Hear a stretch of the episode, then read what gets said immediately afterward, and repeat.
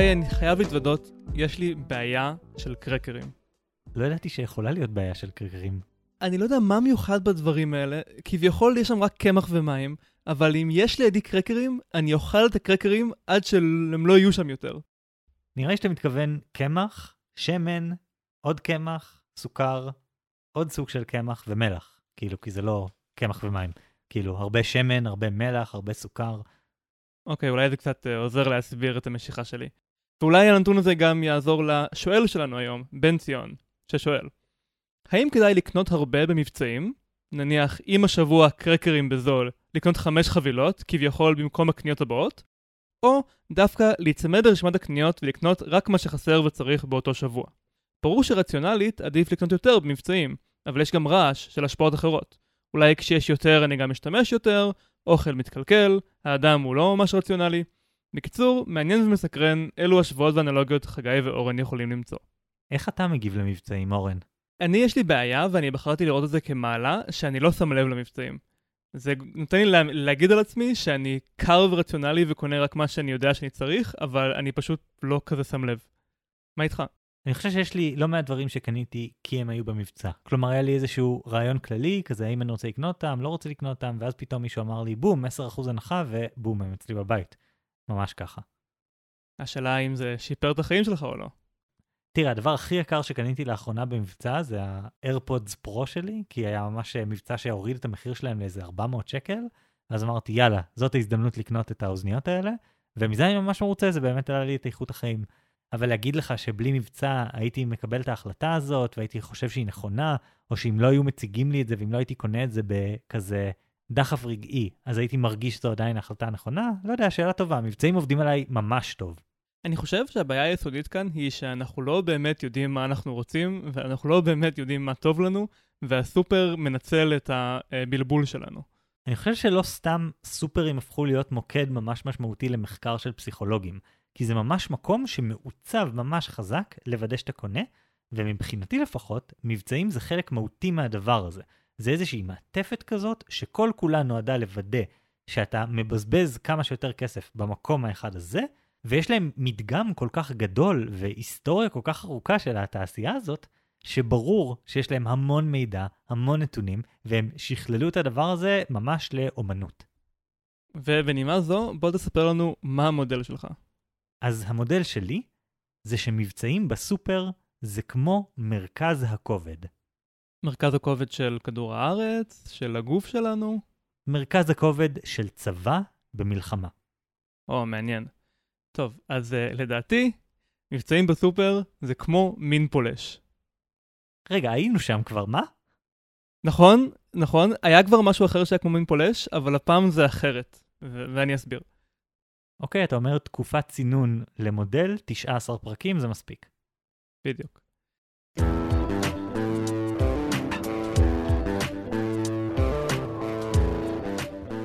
אז בן ציון, תן לי לעזור לך להחליט האם לקנות במבצע או לא, באמצעות זה שאני אספר לך על תאורטיקן צבאי מהמאה ה-19. קרל פון קלאוזוויץ הוא כנראה התאורטיקן הצבאי הכי מוכר, אולי חוץ מסן צו פחות או יותר, והוא כתב ספר מאוד גדול, מאוד מפורסם, שנקרא על המלחמה. עכשיו, את קלאוזוויץ קוראים כמו שקוראים תנ"ך, כלומר, יש ויכוחים על מה באמת הייתה הכוונה במשפט הזה, על מה הייתה הכוונה במשפט ההוא, איך המשפטים האלה מפרקים שונים מסתדרים אחד עם השני, אם יש סתירה, האם הוא התבלבל, או שזה היה מכוון, ממש מתייחסים לזה כמו כתבי הקודש. ויש המון מושגים שם, שהניסיון שלי בחיים עם המושגים האלה, זה שכל פעם שהשתמשתי באחד מהם, מישהו נדפק לי את זה שלא הבנת אותו לא נכון, וכל פעם שעשיתי תחקיר על אחד המושגים האלה, ראיתי שיש 20 דרכים שונות להסתכל על המושגים האלה. אבל יש מושג אחד, גם הוא שנוי במחלוקת, שלא במפתיע, שמאוד נפוץ ומשפיע עד היום, והפך לחלק מרכזי מהדוקטרינה הצבאית של הצבא האמריקאי. והרעיון הזה נקרא מרכז הכובד. הרעיון של קלאוזוויץ הוא בעצם שלכל צבא, ובמידה מסוימת גם לכל מדינה, יש מרכז כובד מסוים. שזה איפה שנמצא הכוח העיקרי שלו. הצבא האמריקאי מגדיר את מרכז הכובד במדריכים הפנימיים שלו בתור The source of power that provides moral or physical strength, freedom of action or will to act. כלומר, מקור העוצמה שמספק כוח פיזי או מורלי, חופש פעולה או נכונות לפעול. ומה שקלאוזוביץ אמר על הדבר הזה, זה שכל מתקפה מוצלחת היא מתקפה שמשמידה את מרכז הכובד של היריב, וכל מתקפה מוצלחת היא גם מתקפה שמבוצעת על ידי מרכז הכובד. הוא ממש התכוון למרכז הכובד של הצבא. אז בעצם הרעיון הגדול של קלאוזוביץ בתור תיאורטיקן, זה שהקרב יוכרע או המלחמה תוכרע לא על ידי למי יש צבא גדול יותר, אלא על ידי מי ישכיל להפעיל את הכוח שלו על הנקודת לחץ הכי קריטית של הצד השני. אני לא חושב שזה הרעיון שלו, אבל זה אחד הרעיונות הכי גדולים והכי משפיעים שלו, שבאמת uh, יש גם ויכוחים עליהם בעולם החשיבה האסטרטגית וזה, אבל לא ניכנס לזה. הנקודה היא שאם אתה פוגע בנקודה הזאת, אם אתה פוגע במרכז העצבים של היריב, אתה פשוט תנטרל את צבא האויב. ובעצם, מה שאני אומר זה שכשאתה מגיע לסופר, זה בדיוק מה שקורה לך. הסופר מפעיל עליך מתקפה שפוגעת לך ישירות במרכז הכובד באמצעות המבצעים האלה. אז אם אני עוקב אחריך, המרכז כובד של, uh, של בן ציון זה שהוא ממש רוצה קרקרים. לא, המרכז כובד זה שהקרקרים האלה, כמו שאמרנו בהתחלה, מלאים בשלושה דברים שהם הסוד הגדול של כל האוכל שאתה מנסה לקנות אי פעם, שזה שומן, מלח וסוכר. בן ציון, בוא שנייה נדמיין את הסופר ונסתכל שנייה על המוצרים שנמצאים על המדפים. כבר עשרות שנים שבסופר אנחנו מוצאים מגוון כמעט אינסופי של מזון מעובד. כלומר, מוצרים שלא צריך לבשל אותם, לא צריך לחתוך אותם, לא צריך מתכון, פשוט פותחים את השקית ואוכלים אותם. אז נכון, אמנם אנחנו רואים היום טרנד ממש חזק של לחזור לבישול ביתי, תוכניות בישול, לחם מחמצת, כל הדברים האלה, אבל עדיין, אנשים צורכים המון אוכל ארוז ומוכן. אני חושב באופן כללי שאם יש משהו שאומרים שהוא טרנד, אז סימן שהוא לא כזה נפוץ, והדברים שהם באמת הדרך חיים שלנו, אנחנו לא אומרים שהם טרנד, אלא אפילו לא שמים לב שאנחנו עושים אותם, הם פשוט חלק מהיומיום שלנו. כן, אני מנחש שיש עלייה באפייה ובישול ביתי ודברים כאלה, מתוכניות היוטיוב שאני רואה לפחות, נראה שזה המצב, אבל זה עדיין חלק קטן יחסית מכל השוק. ובפועל, בין אם זה חטיפי אנרגיה, או עוגיות בקופסה, או מעדני חלב, או במבה, או שברי בייגלה ממחמצת שאור בטעם דבש, חרדל ובצל, כולנו צורכים המון דברים כאלה כל הזמן. חגי, אל תדבר איתי על שברי בייגל ממחמצת שיעור בטעם דבש, חרדל ובצל, כי אני בדיוק הצלחתי להוציא אותו מהבית ואני לא רוצה להיות מוכרח לצאת ולקנות אותם שוב. אני מבין אותך, כי המוצר הזה, זה מוצר ש... שהוא מושלם כדי להדגים איך יצרניות מזון, משווקות מזון, כל, כל הגופים האלה, בעצם חוברים ביחד כדי לתקוף את מרכז הכובד שלך. יש צבא שלם של מהנדסי מזון, שכל מה שהם רוצים זה למצוא איך הם מהנדסים את המצב שבו אתה רוצה וחייב את האוכל שלהם.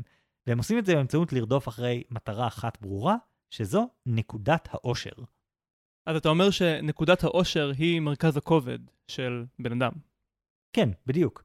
נקודת האושר זה מושג שהתחיל ממשהו קצת יותר ספציפי, שזה הנקודה שבה, במוצר מזון מסוים, יש את הכמות המדויקת של מתיקות, שבה אנשים מפיקים מהמוצר הזה הכי הרבה הנאה. המקור של המונח הזה הוא כנראה אצל מתמטיקאי בשם ג'וזף בלינפליי, שטבע את המונח הזה בשנות ה-70, כשהוא ניסה לבנות מודל ממוחשב שיחזה דפוסי אכילה של אנשים. אבל מי שהכי מזוהה כנראה עם המונח הזה היום, הוא האוורד מוסקוביץ, פסיכופיזיקאי, שזה פסיכולוג שמתעסק בתגובות פיזיולוגיות ופיזיות ודברים כאלה. ולא פסיכולוג שמתעסק בפסיכולוגיה של חלקיקים אלמנטריים. זה מה שאני חשבתי בהתחלה, כשחבר יקר הציע לי, לך תהיה פסיכופיזיקאי, ולקח לי כמה שנים להבין למה הוא התכוון. בכל מקרה, האוורד מוסקוביץ עבד בכמה מהחברות הגדולות במשק האמריקאי, ומה שהוא עשה בכל החברות האלה, זה לאפיין את השילוב המושלם בכל מוצר מאכל של שלושה רכיבים, מלח, סוכר ושומן. לא הבנתי איך זה יוצא נקודה. יש ממש גרף שאפשר לראות של כמה אנשים נהנים ממוצר, אתה מעלה את כמות הסוכר, מעלה את כמות המלח, מעלה את כמות השומן, ואז יש עלייה בהנאה, עלייה, עלייה, עלייה, עלייה, ואז יש איזושהי נקודה שממנה יש ירידה. עכשיו, הנקודה הזאת היא לא ממש נקודה, היא יותר איזשהו רמה, כאילו קו ישר בקצה של הפעמון הזה, וזה חשוב כי חברות מזון מנסות לאתר את הנקודה המינימלית שהיא בשיא, כדי לחסוך כסף, אבל הנקודה היא שממש אפשר לבדוק איך משלבים את הרכיבים האלה, ואז להגיע למצב שיש לנו פשוט תשוקה לאוכל. וכמובן, עם כל אחד מהרכיבים האלה זה יוצא תגובה קצת אחרת. נניח עם סוכר, זאת ממש נקודת תורפה שהיא דומה לסמים. כלומר, התגובה של הגוף שלנו לסוכר היא ממש קיצונית. אנשים משווים את זה ממש למף. לאכול סוכר זה ממש כמו לקחת מף באיזשהו מקום. זה פשוט כי סוכר נותן לגוף שלנו אנרגיה מהירה וזמינה, ומה לעשות, אנחנו מתוכנתים לעולם שבו לא היה כמויות אדירות של סוכר בכל מקום, אז הגוף שלנו לא ממהר לומר, די, אכלתי מספיק סוכר, הוא מוכן לאכול עוד ועוד ועוד דברים עם סוכר. אני, אני חושב שאם בכלל זה הפוך, אה, מף הוא חדש, וסוכר היה איתנו עוד הרבה לפני שאפילו היינו בני אדם, נכון? אז אם בכלל, סביר שסמים כמו מף משתלטים על הנתיבים המוחיים האלה, שבעצם נוצרו מלכתחילה על ידי האבולוציה, כדי לעודד אותנו לצרוך את הדברים שייתנו לנו אנרגיה, שיאפשרו לנו להמשיך לחיות, כמו סוכר ושומן. כל שלושת הרכיבים האלה, אם אתם הולכים לחשוב עכשיו על איזשהו מאכל שאתם אוהבים, שגורם לכם לתשוקה עזה, כמעט תמיד המקור לתשוקה הזאת יהיה אחד מהחומרים האלה. אין משהו שאנחנו אוכלים, והוא נורא נורא טעים לנו, שאין בו או מלח, או סוכר, או שומן. וכמובן שיש מוצרים שהתגובה שלנו אליהם היא ממש כמו אל סמים חוקיים, שמכילים את כל השלושה. כי שברי בייגלה ממחמצת שעור בטעם דבש, חרדל ובצל, יש בהם המון המון סוכר, המון המון מלח, המון המון שומן, וזה פשוט מוודא שזה לוחץ לך על כל הכפתורים בו זמנית, ואתה לגמרי חסר ישע מול הדבר הזה. ברור שלדברים האלה יש כוח, אני לא אתווכח עם זה, אבל אנחנו מדברים כאן ספציפית על מבצעים. בן ציון לא שאל אותנו אה, איך להפסיק לקנות מלא טפו צ'יפס הביתה, זו סוגיה אחרת. הוא אפילו לא שאל אותנו איך אה, להתנגד ליצר לקנות במבצע. הוא שאל מתי זה רציונלי לקנות במבצע מבחינת לחסוך כסף ולתכנן קדימה. אז אני חושב שהוא מגיע לבעיה הזו במקום הרבה יותר שכלתני, והוא לא כאן בתור איזה חיית טרף שמחפשת מה לאכול. אוקיי, okay, אז אני אסביר למה בכלל הבאתי את המודל הספציפי הזה. והתשובה היא די פשוטה. כל מה שאתה צריך להבין, בן ציון, זה שהמבצע הזה הוא לא לטובתך. כל יצרניות המזון, כשאנחנו מסתכלים על מה הן שמות באוכל שלנו, במזון המעובד שלנו, כל המטרה שלהן היא לא שתאכל בריא, שתהיה בריא, שתרגיש טוב עם החיים שלך.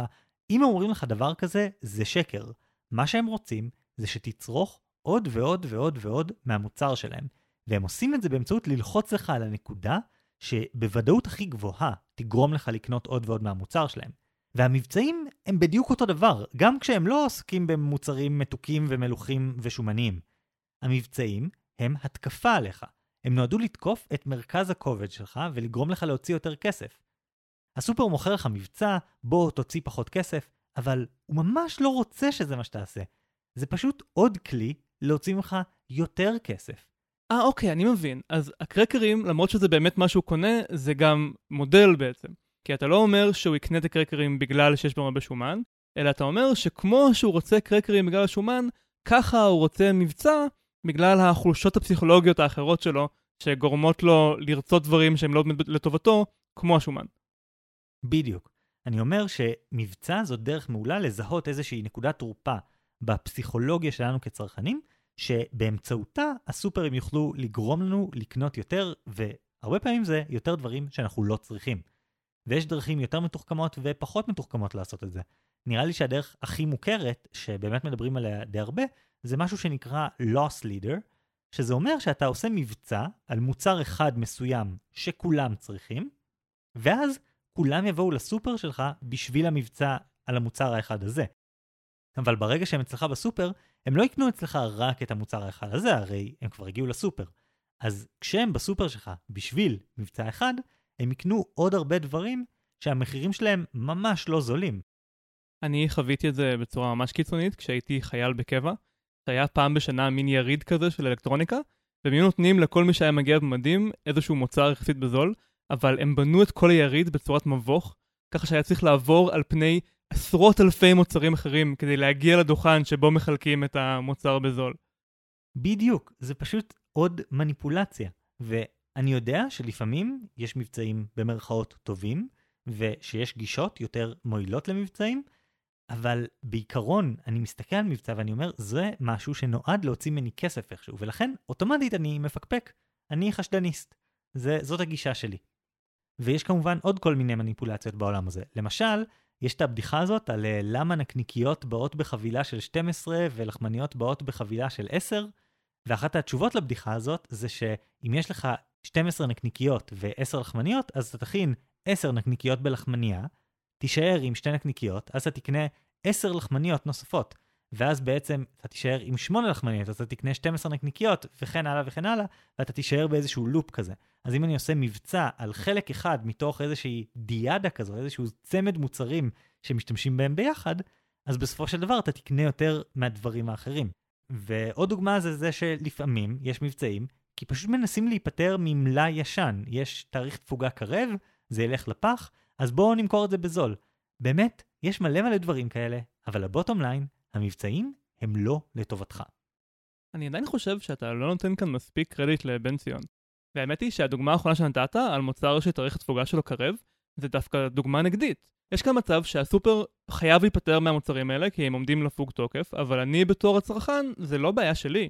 אני יכול להרוויח מהמצוקה של הסופר ובאמת כאילו לחסוך כסף כאן בגלל שהם נקלעו למצב שבו הם חייבים להיפטר מהמוצר הזה. וזה לא המקרה היחיד. בן ציון הזכיר בשאלה שלו, או ליתר דיוק אני יכול להסיק מהניסוח שלו, שהוא תמיד קונה קרקרים בסופר, ועכשיו פתאום יש מבצע על משהו שהוא היה קונה בלאו הכי, ובמקום לקנות אחד הוא יקנה חמש, ואז בעצם הוא, מבחינתו המבצע הזה ימשיך לתת לו טוב, וימשיך לחסוך לו כסף עוד uh, חמש קניות קדימה בסופר. אני לא רואה איפה הוא מפסיד כאן. תראה, אם אתה כבר בסופר, יש מבצע על מוצר שאתה צריך, שתאריך התפוגה שלו לא רלוונטי אליך, שזה הגיוני להצטייד באיזשהו סטוק, משהו כזה, אוקיי, בסדר, אני, אני מפרגן. אבל העניין הוא שזו לא כל הגישה שלנו למבצעים. מבצעים הם קודם כל משהו שנועד למשוך אותנו לסופר, למשוך אותנו למקום מסוים, לגרום לנו לראות, רגע, לא תכננתי לקנות משהו, אבל יש מבצע אז אני אקנה אותו. ונכון שלפעמים בקצוות יש מקרים שבהם המבצעים הם בדיוק על מה שבכל מקרה תכננו לקנות, אבל בהרבה מקרים אחרים הם פשוט כלי להפעיל אותנו באיזשהו אופן. והעניין הוא שמה שאני מציע לבן ציון זה לא אוטומטית לא, אל תקנה במבצעים אף פעם, זה תמיד רעיון רע. זה לא בדיוק מה שאני מנסה לומר. מה שאני מנסה לומר זה שכדי להפעיל את הגישה הלוגית והרציונלית שעליה דיברת בשאלה שלך, אתה צריך לדעת שאתה במצב שבו אתה לא מושפע מהמבצעים האלה. יש ניסויים שהדגימו למשל שאנשים יותר זהירים ומתונים בקניות בסופר, אם הם מגיעים לסופר כשהם שבעים. כי אז הסופר לא בעצם מוכר להם משהו שנראה להם טעים, מעורר תאווה, מעורר התלהבות וכן הלאה. אז אם אתה מגיע שבע לסופר, אתה מגן על עצמך באיזשהו אופן. זאת דרך אחת להתמודד עם זה.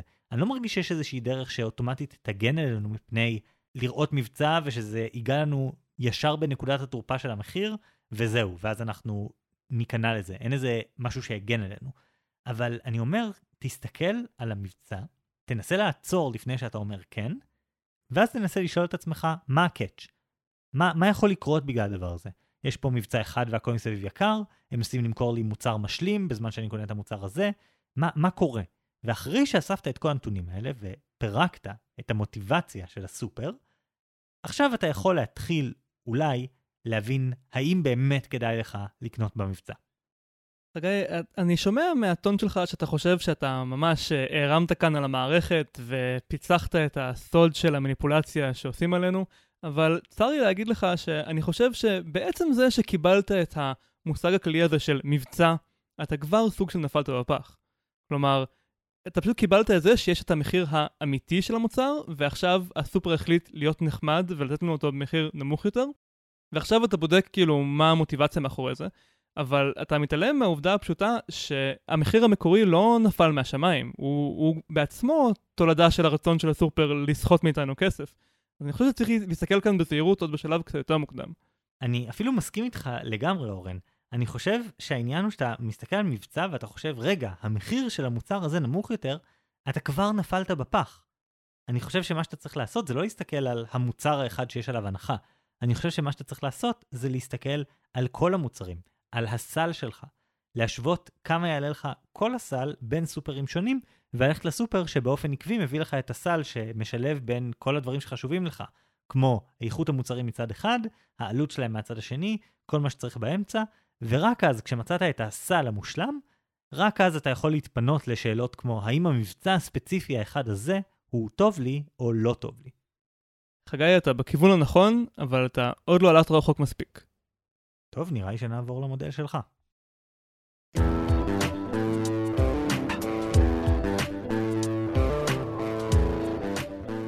אז בן ציון, השאלה לדעתי שצריך לפתור היא לא האם לקנות במבצע, אלא למה שאי פעם תקנה לא במבצע. כשהמוצר לא במבצע, זה אומר שזה במחיר שאתה יודע שהוא מחיר מופקע. החנות כבר הודתה שהיא יכולה להרוויח כסף מהמחיר של המבצע, אז למה אתה אמור לשלם יותר מזה? מה, אתה פראייר? אבל הנה, איכשהו בשאלה שלך, אתה אמרת שלדעתך עדיף לקנות לא במבצע, או לפחות נראה לך. שעדיף לא לקנות את החמש קרקרים האלה, אלא לחכות שהמחיר יעלה ואז לקנות. מה קורה כאן? אבל זה לא בדיוק עניין שמופקע, רגע דיברנו על זה. לצורך העניין, כשיש לוס לידר, אז בהגדרה הם מפסידים כסף על המוצר הזה במטרה להרוויח כסף על מוצרים אחרים, זה לא, זה לא מדויק. אוקיי, כן, אולי מופקע זה היה קצת חזק, אבל בטוח היית יכול לשלם פחות אם היית קונה במבצע. אז בואו ננסה להבין איך הסופר עושה את הקסם הזה, של לשכנע אותך לקנות במחיר גבוה יותר. בואו נחזור אחורה לפרק הראשון של אסור להשוות, שבו דיברנו על מינים פולשים. לפרק קוראים להתחיל פודקאסט זה כמו מין פולש. ושם דיברנו על המיינה ההודית, שהיא ציפור קטנה, שהיא במקור מהודו, והיא בעצם השתלטה על אזורים גדולים של העולם, ואפילו בארץ היא הפכה לציפור השנייה הכי נפוצה במרכז הארץ. אז ניסינו להבין איך זה קורה. והסברנו שמין פולש שמגיע מאזור אחר יכול להשתלט על אזור תוך זמן קצר, בגלל שהוא בעצם מגיע מאזור אחר, ובגלל התחרות באזור השני הזה, הוא בעצם היה חייב לפתח איזשהו יתרון מיוחד, שלאף חיה מקומית אין בעצם מענה עליו. אולי למשל ציפור מסוימת הייתה חייבת ללמוד לעוף ממש ממש מהר, כדי להתחמק מטורפים שיש לה באזור השני, וכאן באזור החדש אין אף טורף שמסוגל להתחרות במהירות הזאת, ולכן ממש כאילו הם הגיעו מליגה גבוהה יותר במובן הזה. אז זה מה שאמרנו אז, בפרק הראשון. אבל לאחרונה גיליתי שיש מחקרים שמערערים על התפיסה הזאת, ומראים מצב טיפה שונה. ספציפית קראתי מאמר מ-2012, שבו עקבו אחרי כל מיני ציפורים שחיו בסביבה עירונית באוסטרליה, כולל אותה מיינה הודית שהגיעה גם לשם. ומה הם גילו? בניגוד לאיך שתיארנו בפרק הראשון, שבו אמרנו שהמיין ההודית היא גדולה ואגרסיבית והיא מעיפה ציפורים מהקינים שלהם ולוקחת להם את הקן, זה לא מה שהם ראו, לפחות באוסטרליה. הם דווקא ראו שציפורים אחרות מתעמרות במיין ההודית והרבה הרבה יותר מתקיפים אותה ממה שהיא מתקיפה, ובכמעט כל המקרים האלה מתקיפים אותה והיא גם מפסידה בקרב. כלומר, אין לה יתרון באמת מהבחינה הזאת. אבל בכל זאת, היא הפכה לציפור סופר נפוצה גם באוסטרליה. אז הם ניסו להבין מה קורה פה. היה להם רעיון אחר, שהסוד כאן הוא לא שהם יותר טובים מהציפורים המקומיות במשחק של הציפורים המקומיות, אלא שהמיינה משחקת משחק אחר. אז הם עשו ניסוי שבו הם השאירו אה, אוכל מעובד, אוכל אה, מהסופרים שחגי דיבר עליו, אה, השאירו אותו על הרצפה, והם גילו שהמיינה ההודית זוללת בכיף אוכל כזה, בעוד שהציפורים המקומיות האוסטרליות מעדיפות זרעים ודברים שתמיד היה באוסטרליה. הם גם גילו שכשבן אדם מציע אוכל לציפורים, אז הציפורים הזרות הן הרבה יותר מגיבות ובאות ונהנות מהמתנה הזו של האוכל, והציפורים המקומיות מתרחקות או מתעלמות. אז במילים אחרות, המינים הפולשים שמנצחים הם לא אלה שבאמת יותר טובים באיזשהו מובן אבסולוטי, אלא אלה שיודעים למנף את השינוי הגדול שחל בכמה אלפי שנים האחרונות בעולם, בני אדם. בני אדם בעצם בזה שהם הפכו לכאלה חזקים, יוצרים מלא נישות אקולוגיות חדשות. והמיינה ההודית היא אה, יכולה להתפשט בכל העולם בגלל שהיא יודעת להתלבש על הנישות האלה. לאכול את האוכל שהבני אדם משאירים, להתקרב בבני אדם, לאכול להם מהזבל, כל הדברים האלה. כמו שבני אדם הפכו את כל העולם למקום שבו חתולים ועכברים ועכברושים יכולים לגדול בו בקלות ולשגשג. בדיוק. חלק מזה זה שבני אדם בעצמם הביאו את החתולים ואת העכברושים, אבל חלק מזה זה שהחתולים והעכברושים הם יודעים לחיות תחת התנאים האלה. במילים אחרות, אם יש לך חיה שהיא סתם ממשיכה לחיות את חייה לפי מה שתמיד עבד לה, לפי מה שמתאים לסביבה, אז היא תישאר מאחור, כי העולם משתנה. וזו הסיבה שיש מבצעים בסופר. הסופר מחפש להשתלט על הנישות האקולוגיות החדשות שבני אדם יוצרים. רגע, אז הסופר הוא המיינה ההודית בתוך הדבר הזה? כן, כמו המיינה ההודית, שיכולה גם לחיות בטבע בהודו, אבל היא גם יכולה למנף את הנישה החדשה שנוצרה כדי להתפשט עוד יותר. ככה הסופר בעצם הוא יכול לחיות בצמצום על ידי למכור במבצע לאנשים שחשוב לקנות במבצע, אבל הוא גם יכול להפיק את המרב מאנשים שלאו דווקא קונים במבצעים, כמו בן ציון. כלומר, לסופר יש ערך אדפטיבי? כלומר, הוא יצר איזשהו מצב שהוא מסוגל להתאים את עצמו להתנהגויות שונות של אנשים שונים? הוא גמיש? אם אתה רוצה לחשוב על זה במונחים אבולוציוניים, אז כן, יש כאן סוג של ברירה טבעית. הסופר שיוצאים איתנו יותר כסף, הוא זה שישרוד ויתפשט ויפתח עוד סניפים. אז למה בעצם אנחנו באמת משלמים יותר, למרות שאנחנו יודעים שהיינו יכולים לחסוך אם היינו עוקבים אחרי מבצעים? בעצם בגלל שאין לנו כוח או זמן לעקוב. זו ההתנהגות שהסופר יודע לנצל, שאנחנו לא תמיד מוכנים לעשות את ההשקעה הזאת. בשפה של כלכלנים קוראים לזה הבחנת מחיר או אפליית מחיר, באנגלית price discrimination. בעצם בעולם מושלם, הסופר היה רוצה למכור לכל קונה במחיר הכי גבוה שהקונה הספציפי הזה היה מוכן לשלם. אז נניח אתה מוכן לשלם 10 שקל על קרקרים, אז תשלם 10 שקל, ואם נכנסת איזה מיליארדרית, איזה שרי אריסון, שלא אכפת לה והיא מוכנה לשלם 500 שקל, אז ניקח ממנה 500.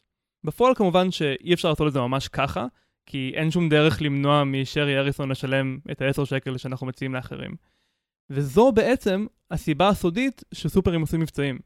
לא רק זה, זו הסיבה הסודית מאחורי מלא דברים שעסקים עושים, שלא כך ברור מראש מה הטעם בהם. למשל, הנחות לסטודנטים. למשל, קופונים שאפשר לגזור מהעיתון ולקבל הנחה.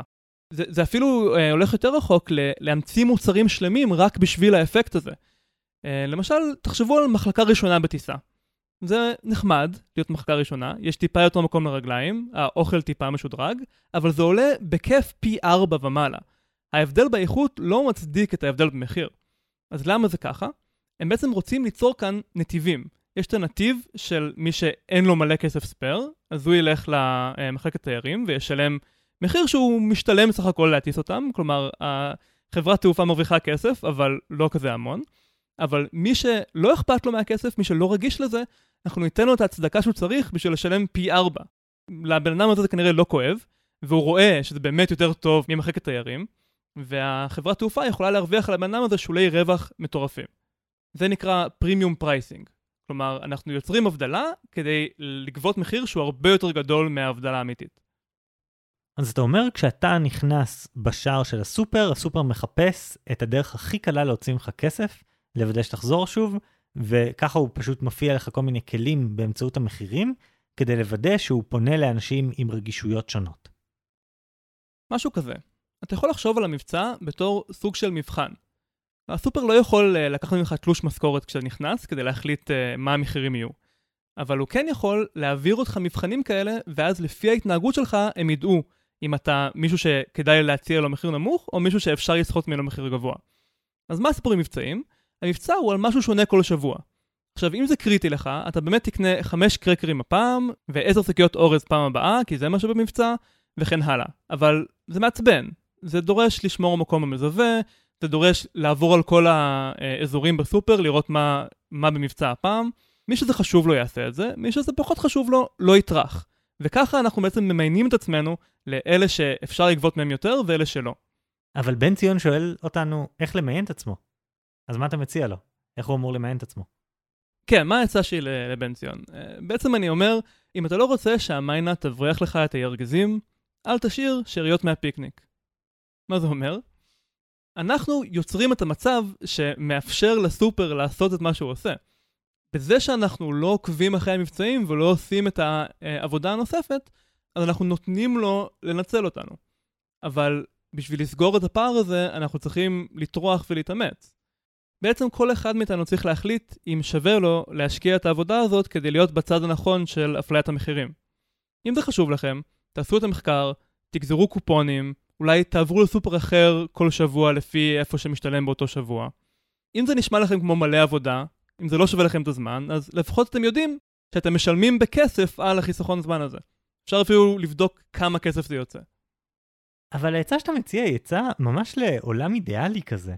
כלומר, אתה אומר לו, תקנה חלק מהדברים כשיש מבצע, כל פעם תעשה את העבודה הזאת.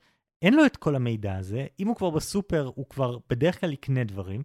הסופר אקטיבית מנסה לגרום לו להוציא כסף. ברגע שאתה נכנעת אפילו טיפה לדבר הזה, שלא מרצונך, שלא מתוך תכנון רציני, ברגע שאתה אומר, כן, אני הולך להיות מסוג האנשים שנכנע למבצעים ומנסה לפעול מסביב לזה. מהרגע שנכנעת, אתה פותח פתח לכל כך הרבה מניפולציות אחרות. אתה נכנע לזה שבסוף הסופר לא רוצה בטובתך. אתה לא הולך לנצל אותו, הוא הולך לנצל אותך. הוא מעצב את ההתנהגות שלך, לא להפך. כן, זה בדיוק הנקודה. אי אפשר להרוויח כסף מללכת על המבצע פה ושם כשאתה שם לב אליו. צריך להרוויח מבצעים כדרך חיים. אם אתה סתם הולך לפי מה שקופץ לך, אז אתה בדיוק נופל למלכודת השנייה של הסופר, המלכודת שאתה דיברת עליה. שהמבצע הוא שם כדי לבלבל אותך, לעשות לך קניות מיותרות, כל זה. בעצם עכשיו שאני חושב על זה, הסופר הוא לא באמת מין פולש. הרי המיינה ההודית היא הגיעה והיא ניצלה את הנישה שהייתה פנויה באותו זמן, הרי היא לא יצרה את הנישה. הסופר, הוא יודע להשתמש בכלים כלכליים, כלים פסיכולוגיים, כדי ליצור אצלם התנהגות מסוימת, ואז לנצל אותה. אז בעצם הסופר הוא פחות כמו מיינה הודית, ויותר כמו טפיל שחודר למוח. נניח אה, טוקסופלזמה גונדי, אם אתה מכיר. רגע, רגע, הסופר עכשיו הוא טפיל? או איזה, אני לא מכיר את הטפיל הזה, זה, מה? אוקיי, אני אספר. טוקסופלזמה גונדי זה טפיל חד-תאי, שהוא ממש נפוץ בכל העולם, והוא בעצם טפיל של שני חיות שונות. הוא חי חלק ממחזור החיים שלו בתוך חתולים, וחלק אחר בתוך חולדות. ובעצם כדי לשרוד ולהתרבות, הוא חייב לעשות את המעבר הזה מחתול לחולדה, ואז חזרה מחולדה לחתול. איך הוא עושה את זה? כשהוא מגיע לתוך החולדה, הוא לאט לאט מתפשט במערכת העצבים, עד שהוא מגיע למוח של החולדה, והוא עורך את ההתנהגות של החולדה, וגורם לה לאהוב חתולים, להימשך לריח של פיפי של חתולים למשל. בעצם חולדה שיש לה את הפיל הזה במוח, היא מאבדת את היצר ההישרדות שלה, והיא הופכת למבקשת מוות. היא תראה חתול, היא תרוץ לזרועותיו. וככה בעצם הטפיל יזכה אה, לעבור לדור הבא, בתוך החתול. זה ממש מפחיד. אם זה נשמע לך מפחיד, אז אני uh, מצטער לספר לך שבערך 30% מבני אדם יש להם גם את הטפיל הזה בגוף, ויש השערות די מבוססות שהוא משנה גם לנו את ההתנהגות. אוקיי, לא רציתי לדעת את זה. כאילו, הטפיל הזה לא יודע שהוא לא במוח של חולדה, אלא במוח של בן אדם. יש אפילו סברה שהסיבה שכל כך הרבה אנשים אוהבים חתולים, זה כי הטפיל שכנע אותם להתקרב לחתולים, בדיוק מה שהוא עושה לחולדות. טוב, זה מסביר את המשיכה הלא הגיונית הזאת.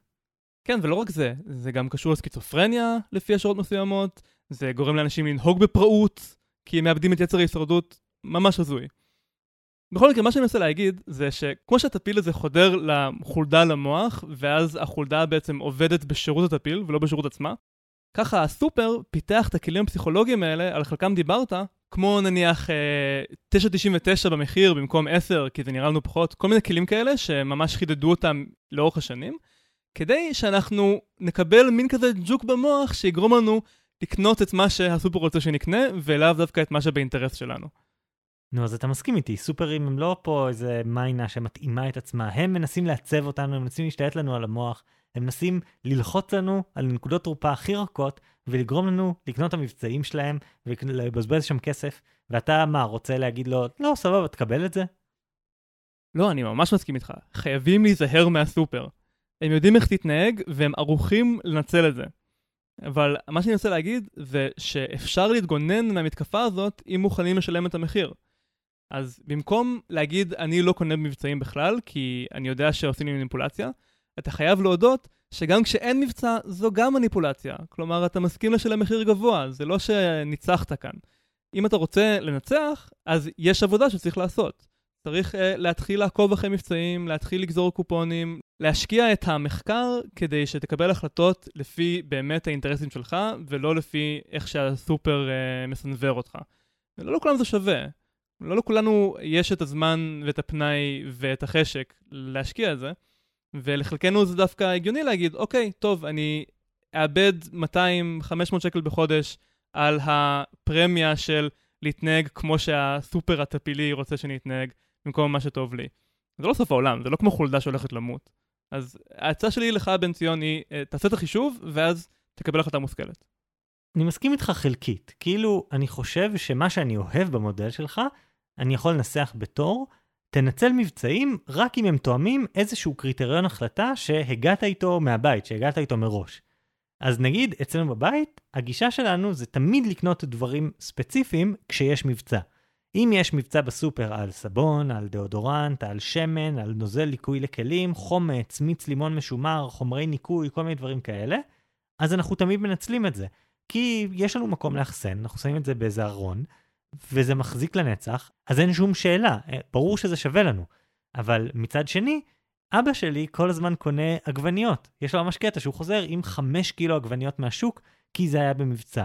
ואז סבבה, הוא מכין מטבוחה פעם אחת, אבל שבוע הבא, כשהוא שוב באותה סיטואציה, הוא שוב צריך להכין מטבוחה. אתה יודע איזה כמויות של מטבוחה יש להורים שלי במקפיא, ופשוט יש עוד ועוד עגבניות. כי הוא לא עושה את השקלול הזה, של זה מבצע שמועיל לי, משהו שלא מתקלקל, משהו שבאמת רלוונטי לי, לעומת הנה מבצע שהוא נראה נורא נורא יפה, אבל הוא יסתיים בזה שבמקום שהסופר יזרוק דברים לפח, אני אזרוק דברים לפח. כן, זו התחלה טובה, וצריך משם לבנות איזושהי גישה כללית למבצעים, שבאמת אתה מגיע איתה מהבית, והחלטת שהיא מה שתואם את האיזון שבחרת בין אה, לטרוח מלא כדי למצוא את המחיר הכי זול, לבין לא ליפול לפחים השונים שהסופר טומן לנו.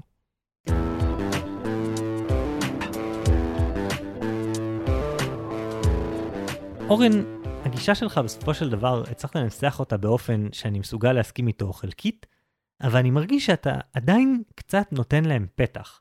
אתה עדיין קצת נכנע למניפולציה של הסופר. אני חושב שפשוט לתת להם to get away with it, זאת בעיה בפני עצמה. אנחנו רוצים להעניש סופרים שעושים עלינו מניפולציות כאלה, לא להגיד האם אני בן אדם שנופל למניפולציות האלה או לא. ומהבחינה הזאת, מה שחשוב לי, זה שבן ציון ושאר המאזינים שלנו פשוט כל הזמן יחשבו מה המבצע הזה מנסה לעשות לי. כמו שאני מסתכל על ספינים בפוליטיקה. אני לא מסתכל על הספין עצמו והאם הוא במקרה נכון או לא נכון. אני שואל את עצמי, מה הם ניסו להשיג בזה שהם אמרו לי את הדבר הזה?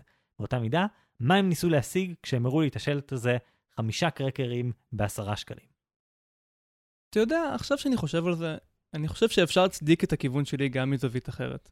באחד הפרקים הקודמים שלנו, כשדיברת על טיולים בחו"ל, אמרת שצריך אה, לתפוס את הרגע ולגלות בספונטניות מה החוויה החדשה שתקבל היום.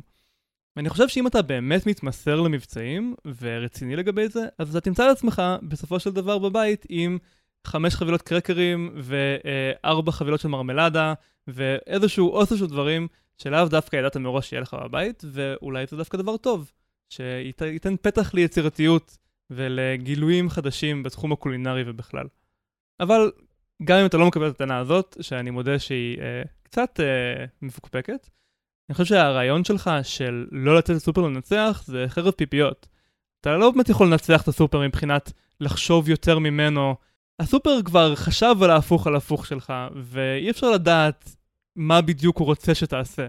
הדרך היחידה באמת להיות בטוח שאתה מקבל את הערך הכי טוב של הכסף שלך, הוא בסופו של דבר לעבור על האפשרויות ובאמת לוודא את זה מתמטית. טוב, איזה מזל שלא אני צריך להחליט, אלא אתם, המאזינים, צריכים להחליט. יומיים אחרי שהפרק הזה עולה לאוויר, ביום שלישי, נעלה סקר לעמוד הפייסבוק שלנו, שבו תוכלו להכריע העצה של מי מועילה יותר. חגי והחשדנות כלפי מבצעים.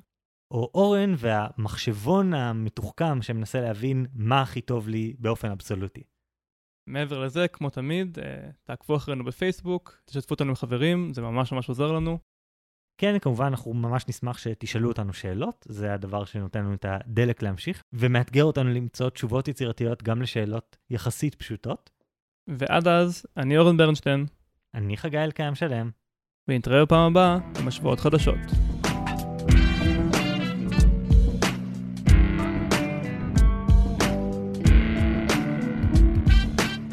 אז אני רואה שרוב האנשים הסכימו איתך, אורן, שעובדים ואנשים שאתה מנהל הם יותר כמו בינה מלאכותית מאשר כמו שקרנים. כן, 56% הסכימו איתי שכדי לשנות את ההתנהגות של מי שאתה מנהל צריך לתת להם תמריצים שונים, ורק 44 הסכימו איתך שצריך בעצם לעשות איזשהו שינוי דרמטי סמלי כדי לאותת להם שהמצב השתנה. וכמו תמיד קיבלנו מלא תגובות ממש מעניינות, אה, בואו נעבור על חלקם.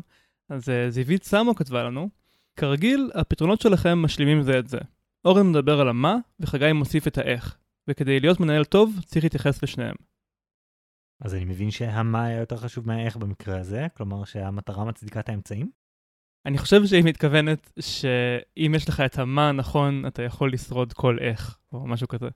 זה גם מתחבר לתגובה של גל כהן, שכתב, אורן נותן כיוון בלי עוצמה, חגי נותן עוצמה בלי כיוון, בפני עצמם השינויים לא מספיקים, אבל השילוב נשמע מעולה.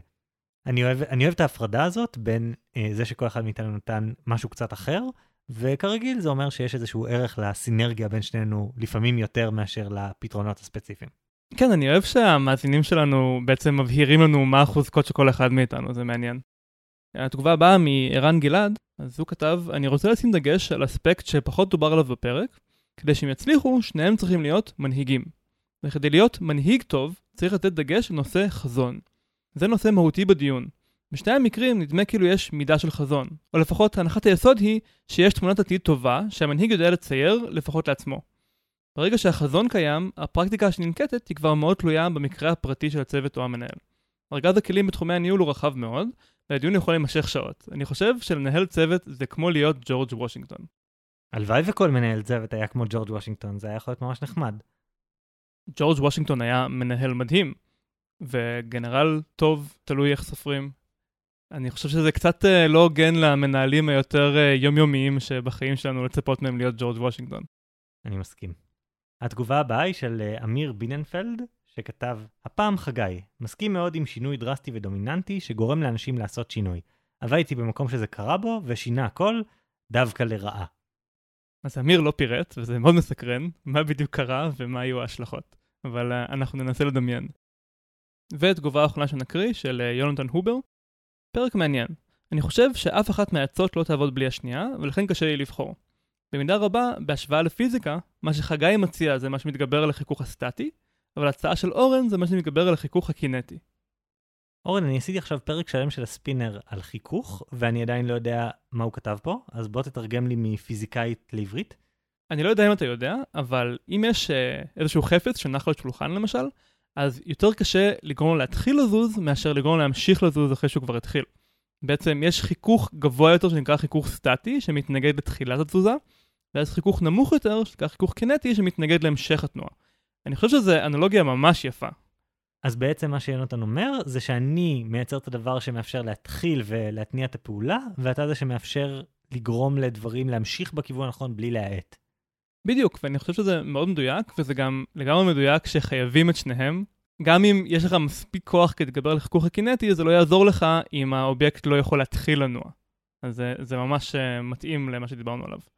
זאת מטאפורה ממש טובה, יונתן uh, ממש מתאים לתהליך החשיבה שאסור להשוות, כל הכבוד.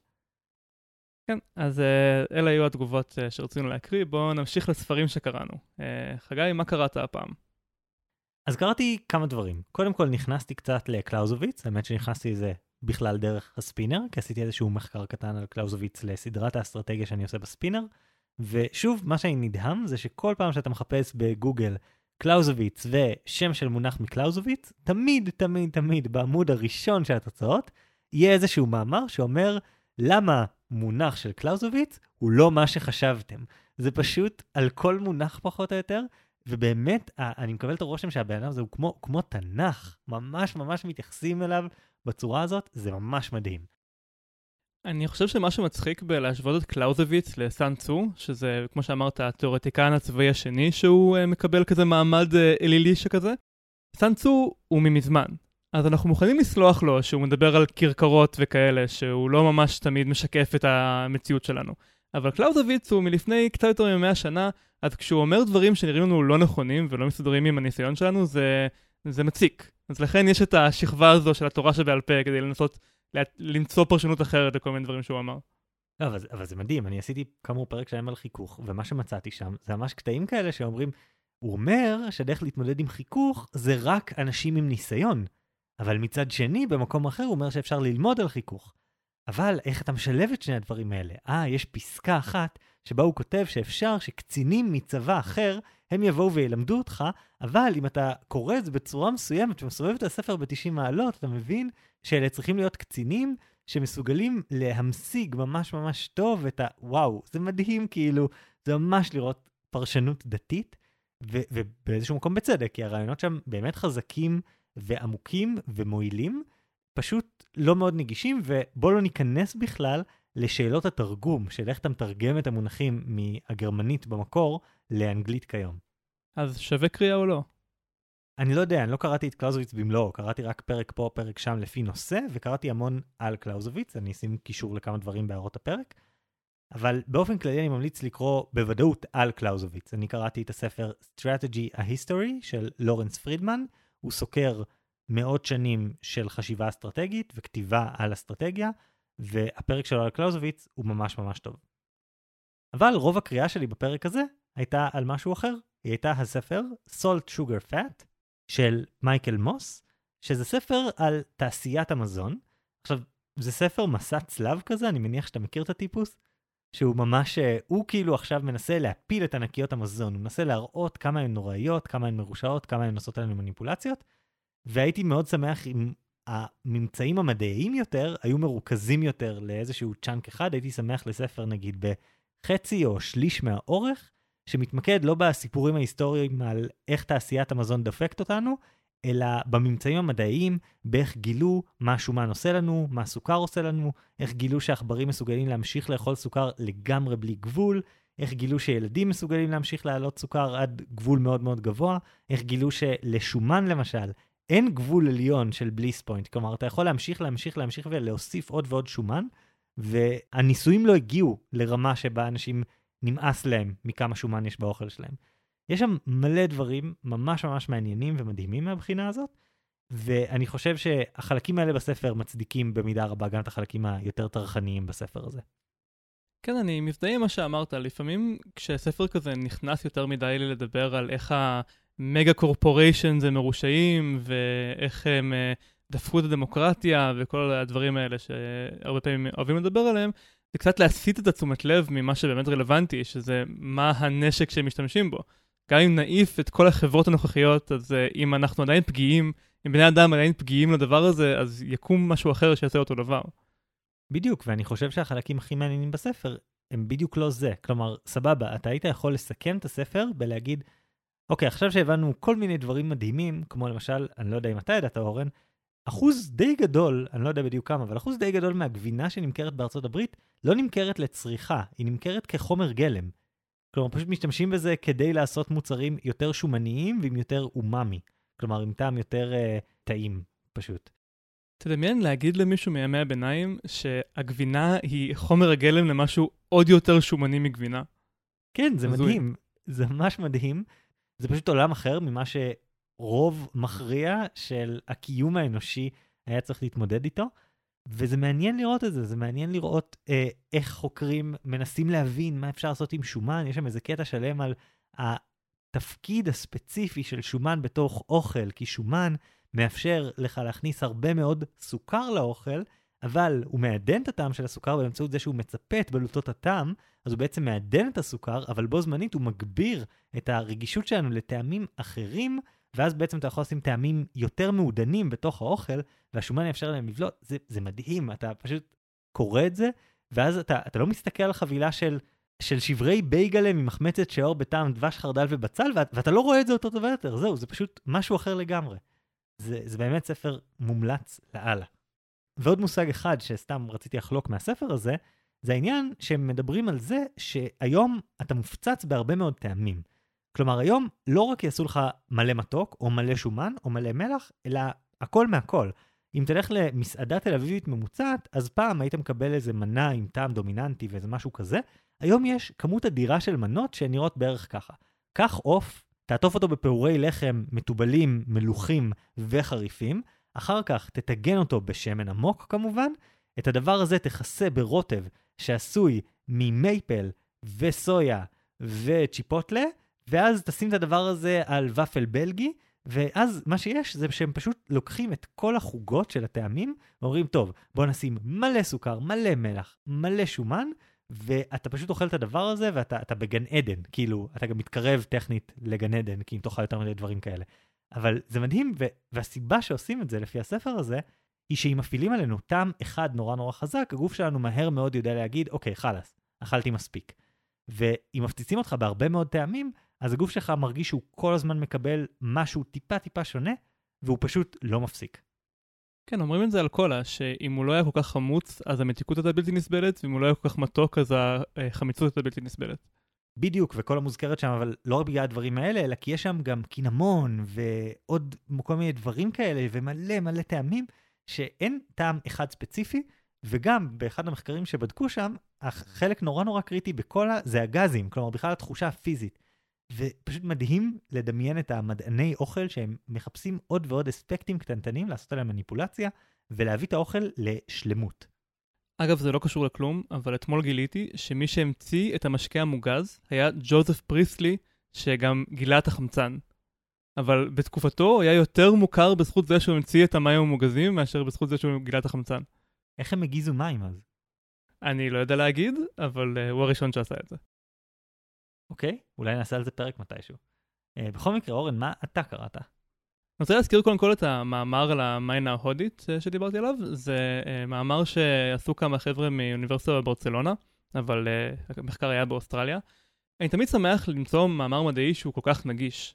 אולי זה כי אני טיפה מכיר את זה מהפרק הראשון שלנו, אבל זה ממש כיף לראות את, ה, את הגרפים האלה של כל ציפור, כמה היא ניגשת לבני אדם, כמה היא אוספת אוכל מהזבל, ואפשר ממש כאילו לדמיין את הציפורים ו- וממש להבין את האישיות של כל אחת מהציפורים שהם חקרו לפי התוצאות של הגרפים האלה. אז אם אתם סוג הבן אדם שמדי פעם אוהב לקרוא מאמר מדעי, כדי טיפה להרגיש אה, מחובר לעשייה של מדענים, אז אני חושב שזה אחלה בחירה. אה, יובל אשתי שמתעסקת קצת באקולוגיה אמרה שיש דינמיקה נורא מעניינת בעולם הזה של מחקרי אקולוגיה, שבה המון מחקרים מתחילים ממודלים, אפילו מודלים ממוחשבים, תיאורטיים לגמרי, וזה יכול לקחת שנים עד שמישהו ילך לשטח ויעשה מחקר, ואז המחקר הזה יוכיח או יפריח איזושהי תיאוריה שהייתה קודם, וזה עולם ממש מעניין שאנשים עובדים פה עם המון סימולציות, ואז בודקים אותן, ותהתה האם המאמר הזה הוא מאמר שבעצם הגיע אחרי מלא מלא תיאוריה ש... שדמיינה את הממצא הזה, ואז מצא את זה, או שהם פשוט גילו את זה במפתיע? לפי מה שהם כותבים, ההשראה שלהם הייתה מה שהם קוראים לו The Paradox of Invasion, שזה בעצם הפרדוקס שאומר שכולנו מאמינים שהמין הפולש הוא באמת עליון וחזק יותר וכולי, אבל בפועל אין לזה ראיות. כלומר, אי אפשר ללכת ולהגיד, אהה, הנה, הציפור הזאת באמת אגרסיבית יותר, באמת הורגת uh, ציפורים מקומיות. זה, זה הפרדוקס שהם ניסו לפתור. מדהים. מעבר לזה, אני לא קראתי את זה בשביל הפרק הזה, אבל אם מעניין אתכם הנושא הזה של אבולוציה, וספציפית בציפורים, אז ספר שקראתי לפני די הרבה זמן, אבל הוא אחד הספרי מדע פופולרי הכי טובים שאי פעם קראתי, אה, נקרא The Beak of the Finch. זה בעצם סיפור על צוות של חוקרים שעברו לגור בגלפגוס, באיים המרוחקים האלה, איפה שצ'ארלס דרווין פיתח את התיאוריה של אבולוציה מלכתחילה, וממש היו שם עשרות שנים, והם חזו בעיניים שלהם את האבולוציה בפעולה. איך המקור של הציפורים גדל וקטן לפי האקלים שמשתנה, או לפי המזג אוויר אה, בכל שנה. ואני יכול להגיד שזה ממש שינה את איך שאני חושב על אבולוציה. זה נכון שמין חדש לוקח לו מיליוני שנים להתפתח, אבל זה לא בגלל ששינוי אבולוציוני הוא תמיד כל כך איטי ומסורבל, אלא בעצם יש כל, כל הזמן שינויים, אבל לוקח להם מיליוני שנים להצטבר עד כדי כך שבאמת יש כאן מין חדש. אבל אפשר ממש לראות את זה בעיניים. זה משהו שבדיעבד הוא אה, מאוד הגיוני ואפילו הכרחי, שאם למשל יש עונה שחומה וסוג מסוים של פרי אין מספיק ממנו, אבל סוג אחר יש הרבה ממנו כי הוא מתאים לתנאים, אז ברור שהציפורים שיש להם מקור שמתאים לפרי שיש הרבה ממנו, יהיה יותר מהם, ואלה שלא יהיה פחות מהם. ואין סיבה שזה ייקח כל כך הרבה זמן עד שנרגיש את זה. אבל רק כשקראתי את הספר הזה הבנתי שזה באמת דבר שאפשר לצאת ולראות בעיניים. מעניין אם יש דבר כזה מסביבי נגיד ממש עכשיו שאני לא רואה, זה ממש מעניין. יש גם את הסיפור המפורסם על אה, עשים שחורים ולבנים, שכשהתחילו מפעלים תעשייתיים בלונדון, והקירות נהיו שחורים מהפחם, מהעשן, אז העשים השחורים הפכו לדומיננטיים, והעשים הלבנים הלכו ונעלמו. זה גם היה משהו שקרה תוך כמה עשרות שנים. נראה לי שאפילו פחות, כי עשים יש להם מחזור חיים ממש ממש קצר. כלומר, הם נולדים ומתים ממש מהר. כנראה שאתה צודק, אני לא קראתי לזה לאחרונה. Uh, בכל מקרה, הספר האחרון שאני רוצה להזכיר, uh, לגבי טפילים במוח. Uh, זה ספר חדש, מלפני חמש שנים, קוראים לו This is your brain on parasites, של קפלין מקוליף. והטענה של הספר זה לא רק שיש מלא סיפורים כאלה מטרידים, כמו הטוקסופלזמה, אלא היא בעצם טוענת שזה חלק קריטי מהמערכת האקולוגית שלנו, ועד לאחרונה אף אחד לא שם לב. כי בעצם הטפילים הקטנטנים האלה, הם רוכבים בתוך הטורפים ובתוך הטרף, והתוצאה של המפגש בין הטורף לטרף היא בעצם לא נקבעת על ידי אף אחד מהם, אלא על ידי צד שלישי שיש לו אג'נדה משלו. זה מין כזה מדע שהוא עכשיו בתהליכי התפתחות והוא, אה, והוא יוצא לאור. זה ממש מגניב. וממש מטריד. כן, זה נושא ממש ממש מפחיד. ראיתי לפני איזה כמה שבועות סרטון של ערוץ היוטיוב קורץ גזקט, אם אני מסוגל להגיד את זה נכון, שהוא פשוט עובר על כל הסוגי טפילים הנוראיים שמשפיעים על אנשים, בעיקר באזורים טרופיים, וזה מטורלל, זה פשוט מפחיד לאללה, רק לראות את הסרטון הזה, זה סיפור אימה, אתה לא ישן יותר, אתה בטח שלא רוצה לטייל למקומות טרופיים, מזל שאין טיסות, זה ממש סיפורי אימה בעולם שלנו, כאילו, כמו שבפרק שעבר אמרת שלקרוא את סופר uh, אינטליג'נס, זה כמו לקרוא ספר מדע בדיוני, אז הספרים האלה והתעסקות בטפילים זה כמו לקרוא ספר אימה לבקרפטיאנית, כאילו, על משהו שקיים.